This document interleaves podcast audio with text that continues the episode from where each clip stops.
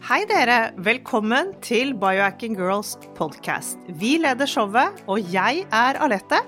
Og jeg er Monica. Vi er gode venner og kolleger, og vi legger sammen våre erfaringer og kunnskap for å inspirere deg til å bli din egen biohacker og optimalisere livet ditt. Vi følger med på ny forskning og trender, og stiller de spørsmålene vi mener er nødvendige. Ja, vi deler informasjon om biohacking, life coaching og fitness, og vi håper at du vil føle deg inspirert og klar til å ta et tak for å komme i den beste helsemessige form. Velkommen til Biohacking Girls podcast.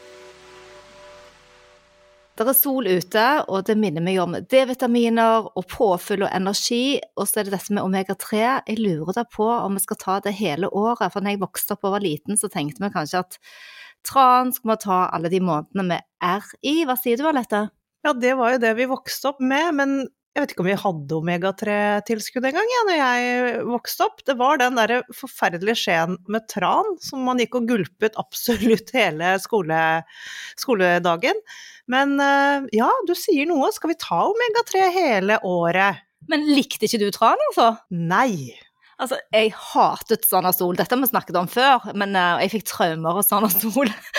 men, uh, men, uh, men, den omega-3-en, eller den transmaken Men nei, omega-3, det visste jeg heller ikke så mye om. Men i dag så som dere vet, så har jo vi laget denne fantastiske omega-3-en vår sammen med Easy Choice og dr. Leiv Bjørndal.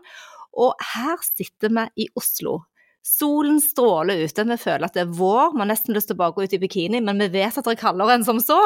Og Leiv er på besøk hos oss, vi skal snakke med han om omega-3 og mange spørsmål som mange av dere lurer på.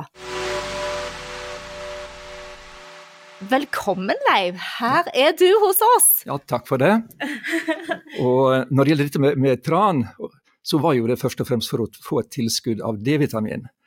Og D-vitamin det får vi også gjennom sola, slik at eh, i sommersesongen med god sol så produserer kroppen nok D-vitamin. Men ellers må vi ha et tilskudd av den. I motsetning til omega-3, som vi må bruke hele tida. Eh, det er jo primært for å forebygge sykdom som hjertekar, infeksjoner, inflammasjoner i muskler og ledd. Og der må vi bruke dette hele tida og ha en jevn konsentrasjon i blodcellene våre. Og det må vi de får ta kontinuerlig. En passelig dose hver dag. Så det betyr at du sier hver eneste dag hele året. og Det gjelder voksne, og det gjelder barn, og det gjelder syke, og det gjelder friske. Ja, det, det, mener jeg faktisk. Nå er det slik at uh, Vi får en, en, konsentrasjon, en optimal konsentrasjon av omega-3 etter 120 dager. Da er blodcellene våre metta med omega-3. Og da, Om man da holder oppe en dag eller ei uke en gang iblant, så betyr det ingenting. For det er fortsatt stabile mengder med omega-3 i røde blodceller. Men kan man da bare ta litt mindre, da, hvis du er eh, mettet? At du istedenfor den fulle dosen, så kan du ta en halv? Altså det, det, det ser ut som, det er at vi må eh, ha en viss konsentrasjon omega-3 for at vi skal dra ut eller eh, kunne utnytte den effekten som omega-3 gir for å forebygge sykdom. Og Da må vi ha en konsentrasjon i røde blodceller som ligger jevnt på mellom 8 og 12 og Det betyr nok at stort sett så bør vi bruke det regelmessig. Men som sagt, en kortere periode uten omega-3, det betyr ingenting. Men, men da hvis f.eks. den konsentrasjonen er rundt 12 eller høyere på det høyeste, hvor går overskuddet i kroppen vår da? Ja, Overskuddet blir værende i kroppen. Det blir lagra i røde blodceller. eh, der finnes veldig lite studie på effekten av høyere verdier eh, av eh, omega-3 i røde blodceller enn 12 eh, Så det er det vel ingen som kan si om det betyr så veldig mye til eller fra. Men eh, all forskning viser at en konsentrasjon i rødblodceller på mellom 8 og 12, det er det optimale. Bra, men da bare fortsetter vi å ta omega-3 i hele sommer. Men Leiv, hva er egentlig omega-3? Omega-3 er en såkalt flerumetta fettsyre, eh, som primært eh, kommer fra fiskefett. Vi kan også få den fra visse planter. Grønne planter fra valnøtt, fra canola oil. Men det er en såkalt eh, alfa-linolenic acid, ALA. Og veldig lite av denne oljen blir omdanna til EPA og DHA, altså de aktive eh, frie fettsyrene som er eh, viktige for helsa vår. Så beste, den beste kilda til omega-3, det er faktisk fra fisk. Og så er det sånn at det er veldig mange produkter der ute, og går du innom en helsekost, så står det hullevis med forskjellige alternativer. Og vi vet jo alle etter meg, for vi leser jo alltid bakpå absolutt alt vi kjøper. Det gjelder mat, og det gjelder supplementer. Vi leser på næringsinnholdet. Og hva vil du si et godt råd til lytterne våre? Vi vil jo alltid selge vår egen eh, biohacking eh, omega-3, men det er ikke alle som vil ha den. Men hva kan de lese bakpå for å få den beste oljen? Altså Investoroljen For det første så er det veldig viktig at den er høykonsentrert, at du får i deg nok omega-3. Eh, og en del av disse standard omega-3-oljene med relativt lavt innhold, dvs. Si ca. 300 mg per 1000 mg kapsel, da må du ta mange kapsler for å få den konsentrasjonen som gjør at du får en omega-3-indeks, eh, en konsentrasjon i røde blodceller som er høy nok. Eh, så jeg vil jo anbefale at du ser etter innholdet på, av omega-3. Og en høykonsentrert olje på 600 mg tenker jeg eh, bør være minimumsstyrke. Der er jo også sterkere oljer, oppi 800 mg per 1000 mg. Men det er jo ett kriterium. Så bør alle være eh, molekylærdestillert, altså der en har fjerna optimalt alt som har med miljøgifter eh, i oljen. Og ellers, ellers så kjenn på lukt, kjenn på smak. Eh, en god olje skal ikke lukte, han skal ikke smake. Så bit, hvis du bruker kapsler, bit hull i en kapsel, smak på oljen og kjenn om den er harskna. Hvis den smaker harsk, harskt eller smaker av fisk, så er ikke det sikkert at det er en spesielt god olje. Så um, høy konsentrasjon, ingen smak, ingen lukt. Det er vel de tre faktorene som, som er viktige. Ja, og det er jo ganske enkelt å forholde seg til. Og Biohacking Girls-oljen, den smaker jo rett og slett godt. For dette har jeg faktisk alltid lurt på, og det er kapsler i forhold til det å ha den flytende på en skje. Jeg, jeg føler jo liksom at den skjeen med omega-3 er bedre enn å ta alle disse kapslene. Er det noe forskjell? Altså, i utgangspunktet skal det ikke være forskjell. Eh, kvaliteten i en kapsel skal være like god som i den flytende, men du har iallfall mer kontroll med en flytende omega-3 og kjenner eh, om smaken er god, om der er harskna smak. Og så er det mye enklere å få den dosa som du bør ha, eh, fordi at det er enklere å ta ei eh, teskje på 5 ml enn å ta 6-8-10 kapsler, alt etter styrken. Så, um, og så vet vi at, at, for å få den optimale effekten av oljen, så bør han ta ca. 30 mg eh, omega-3 per kilo legemsvekt. Så er du 70 kg, så skal du ta eh, 2100 mg, og det er veldig enkelt å måle opp i ei teskje. Da vet du at du får den korrekte dose som i 95% av tilfellene gjør at du har en eh, en eh, omegakonsentrasjon i røde blodceller på mellom 8 og 12. Så flott. Men uh, på den omega-3-en som vi har utviklet sammen med deg, den har vi både E og K2 og D3. Vi har òg fått uh, til neste batch, så vi har fått doblet dosen med det. Er det sånn at noen andre vitaminer støtter opp uh, og hjelper opptaket på omega-3, sånn at det blir mer effektivt? Nei, opptaket blir nok ikke påvirka av disse vitaminene som vi har tilsatt. Men eh, D-vitamin er jo veldig viktig eh, vitamin både for immunapparatet, for eh, muskulatur, for beinhelse. K2 er veldig viktig også for hjerte- og hjerte-karsykdommer, og også for bein. Så, så, vi har prøvd å, å lage en, eh, olje som er tilsatt eh, et par av de viktigste vitaminene som vi bør bruke regelmessig. Mm. Vi må også snakke litt om denne balansen mellom omega-3 og omega-6. For Monica, du hadde jo en opplevelse her med disse testene du tok, og det er jo veldig, veldig spennende. Og eh, hvorfor har det blitt sånn nå at den omega-6-en er bare helt 20 eh, ganger mer enn den skal være? Ja, og jeg kan kanskje si noe om den testen som jeg tok òg, da. For det at uh, jeg tok en sånn fettest, da. En fettanalyse på fettstoffer i Fettstoffanalyse, heter det vel. For å se på balansen og se på alle de verdiene der. Og når jeg har tatt uh, vår, da, Easy Choice, uh, nok en gang en god reklame for det, men da har jeg vært oppe i 90 og jeg fikk liksom karakter seks av deg, eh, Leif. Du var veldig fornøyd med meg.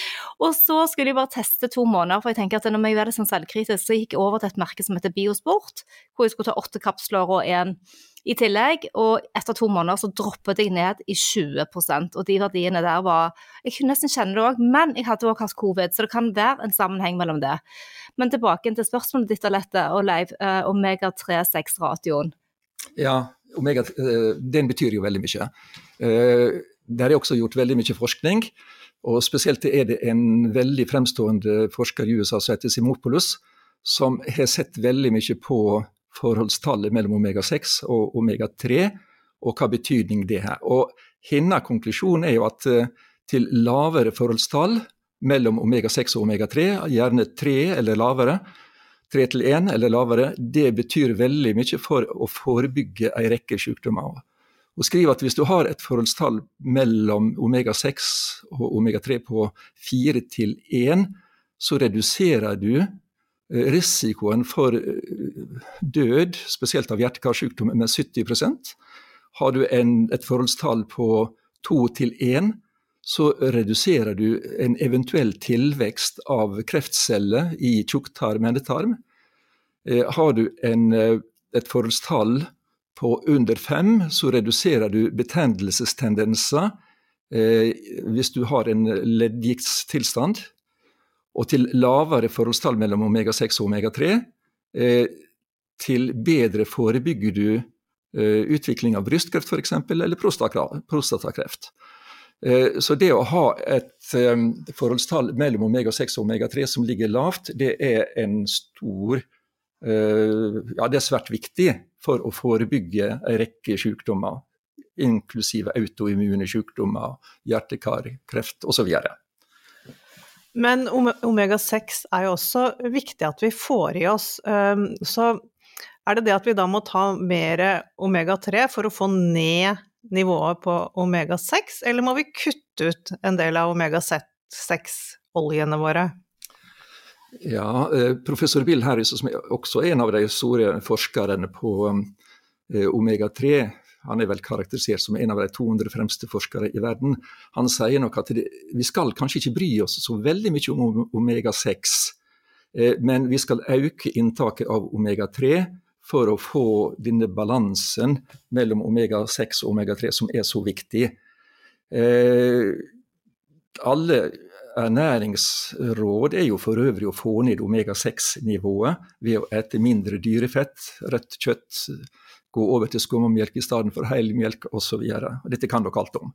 Eh, men iallfall få opp omega-3-inntaket, slik at du sikrer denne eh, balansen mellom to for så vidt viktige eh, fettsyrer. Eh, og vi må ha, som Alette sier, begge to, men det skal være i balanse. Mm. Og den balansen betyr at vi skal ligge på et forholdstall på tre til én eller lavere.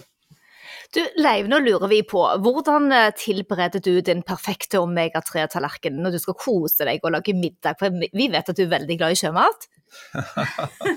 ja, altså Ja, nei, uff a meg. Jeg vet ikke om jeg, vil utbreie meg om uh, hvordan jeg lager mat. Men altså, jeg, jo, jeg er jo veldig glad i stekt laks, da.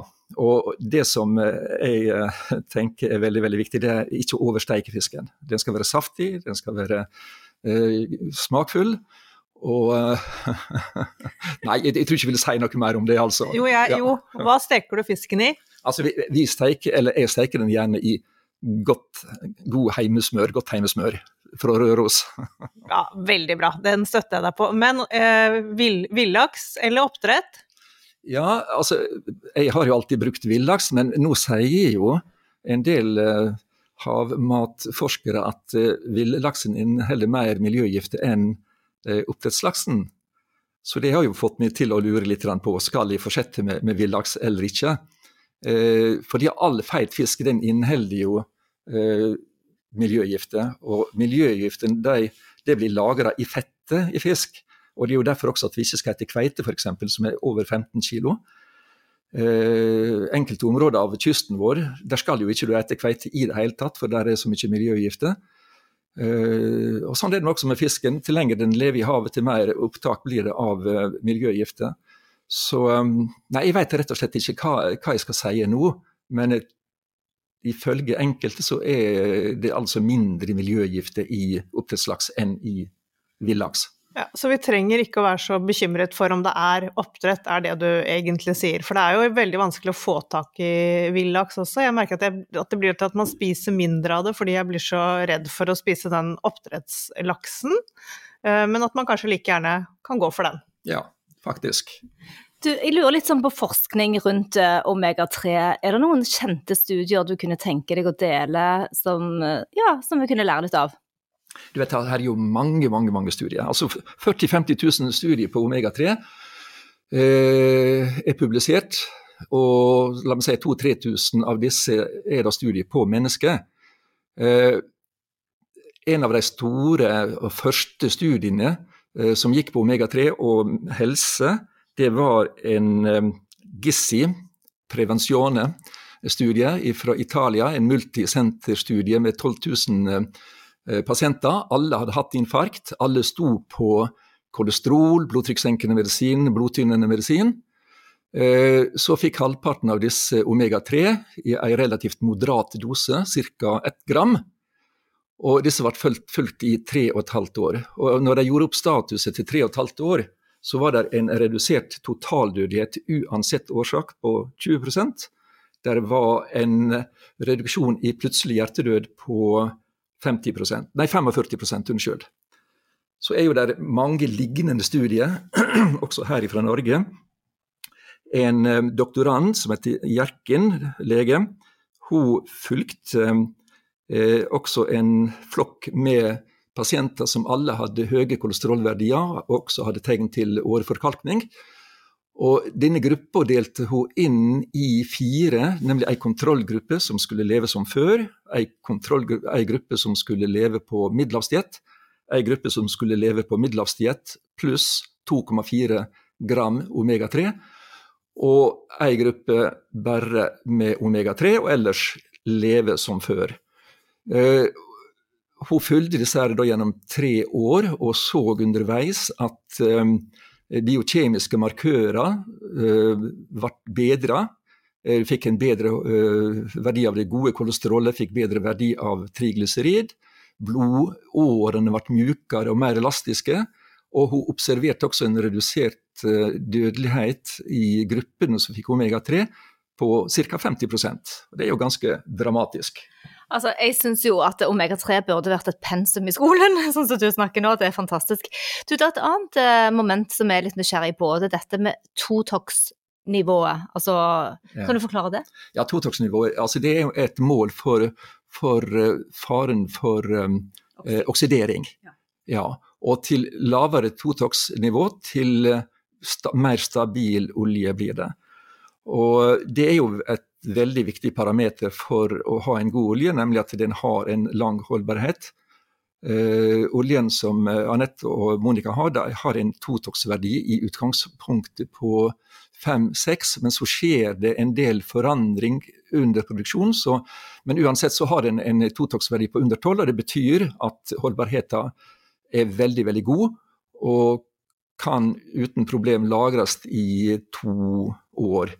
Eh, i romtemperatur. Når du først har åpna denne flaska, så bør du oppbevare den i kjøleskap, og bør kanskje bruke den opp i løpet av en måned eller to. Det passer jo bra, for den varer akkurat en måned hos meg, i hvert fall, i kjøleskapet. Så da tar vel jeg helt eh, riktige doser. Men eh, vi får mye spørsmål om fremstillingen av denne omega-3-oljen. Kan ikke du bare snakke litt kort om det, Leif? Ja, eh, For det første, den oljen vi bruker, den, den er produsert av et fiskeslag som heter ansjovis i Sydishavet.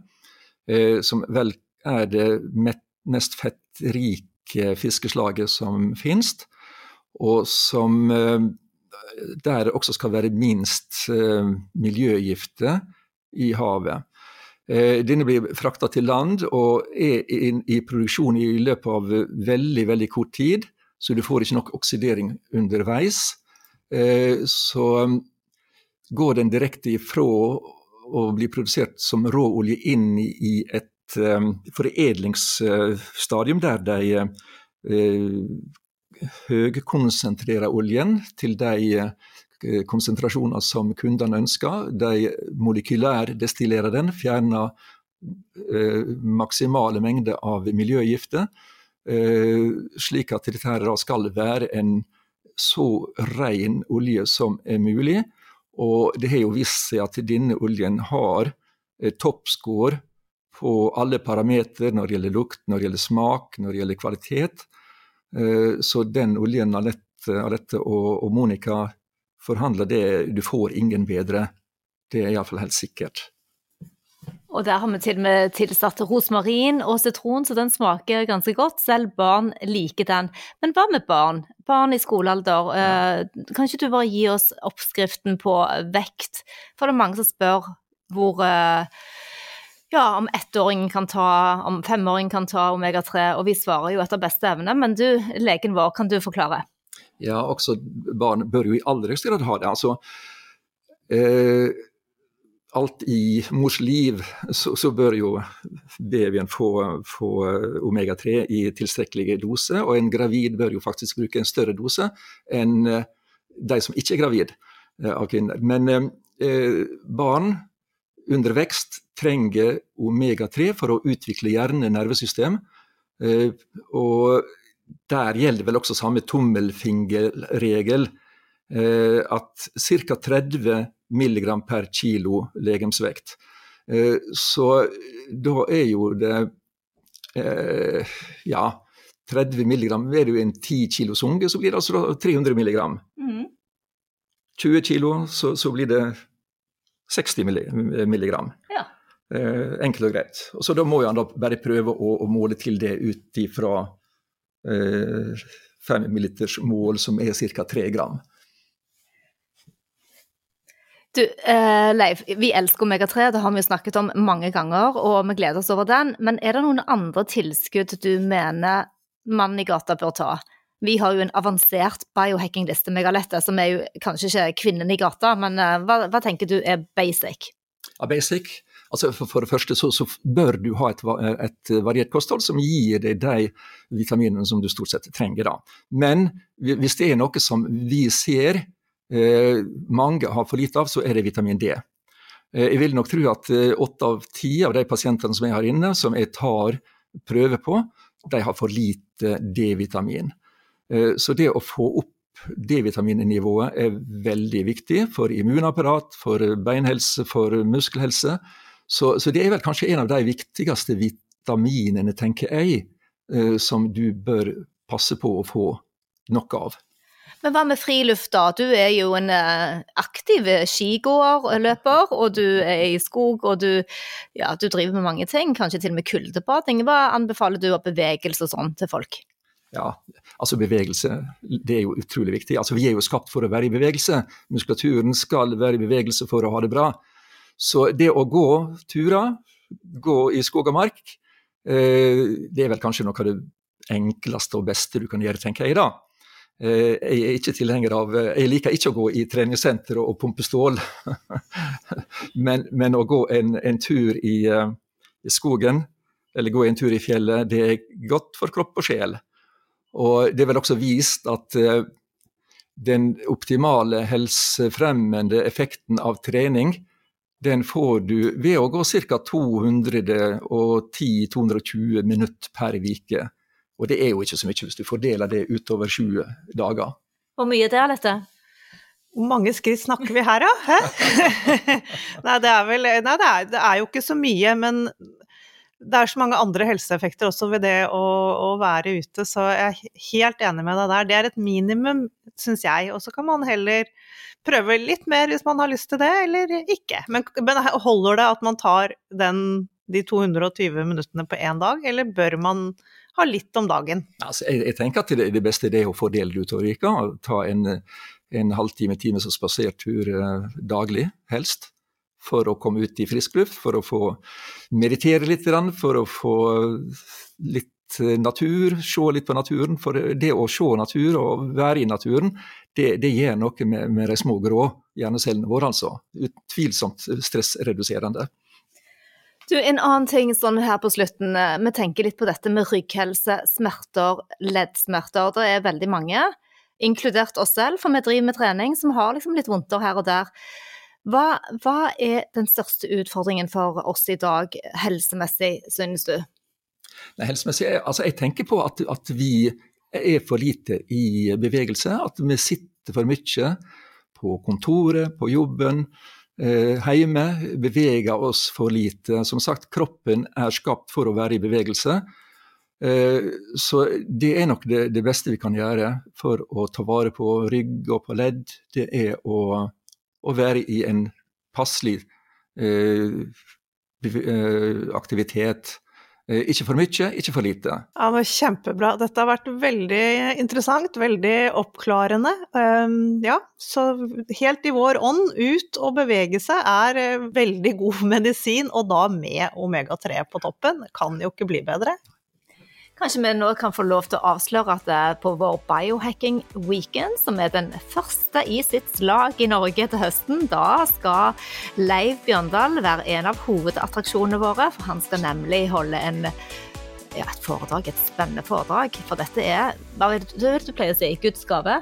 Guds gave, ja. ja. Altså, det er ikke mitt ord, mine ord, men det var en kanadisk forsker som sa det at omega-3 det er Guds gave til oss mennesker. Og det tror jeg kan være veldig rett, altså. Utvilsomt. Og med disse fantastiske ordene så tror jeg at vi skal avslutte nå i dag. Dere vet hvor dere finner, ja, finner produktene våre. Eh, Easy Choice Omega-3. Tusen takk til deg, Bjørn. Bjørndal. Bjørndal. Ja.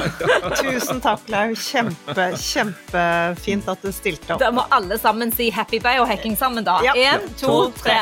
Happy biohacking!